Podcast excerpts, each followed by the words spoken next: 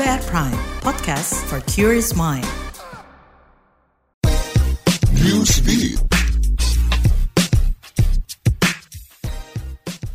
Arab Saudi menggelar parade militer di wilayah sekitar Padang Arafah di Mekah. Ini dilakukan demi mengamankan jalannya peribadahan Haji 2023. Tiap batalion pun menunjukkan kekuatan mulai dari parade sepeda motor, mobil hingga tank lapis baja juga dipertontonkan. Parade militer ini sebagai penanda puncak haji akan datang. Tak hanya parade, pemerintah Arab Saudi juga menyiagakan aparat keamanan untuk menjaga jemaah haji dari seluruh dunia. Tak hanya militer, petugas damkar juga disiagakan.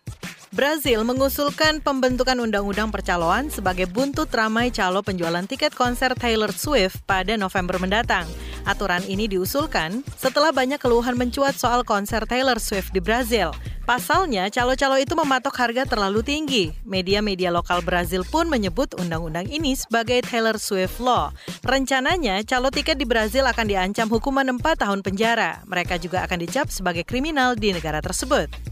Para peneliti dari Stanford University, California, Amerika Serikat menemukan kompor gas yang biasa digunakan rumah tangga dapat melepaskan bahan kimia berbahaya benzena yang dapat memicu kanker. Studi yang diterbitkan dalam jurnal Environmental Science and Technology itu menyatakan jumlah benzena yang dipancarkan dari kompor gas bisa lebih tinggi dari asap rokok bekas.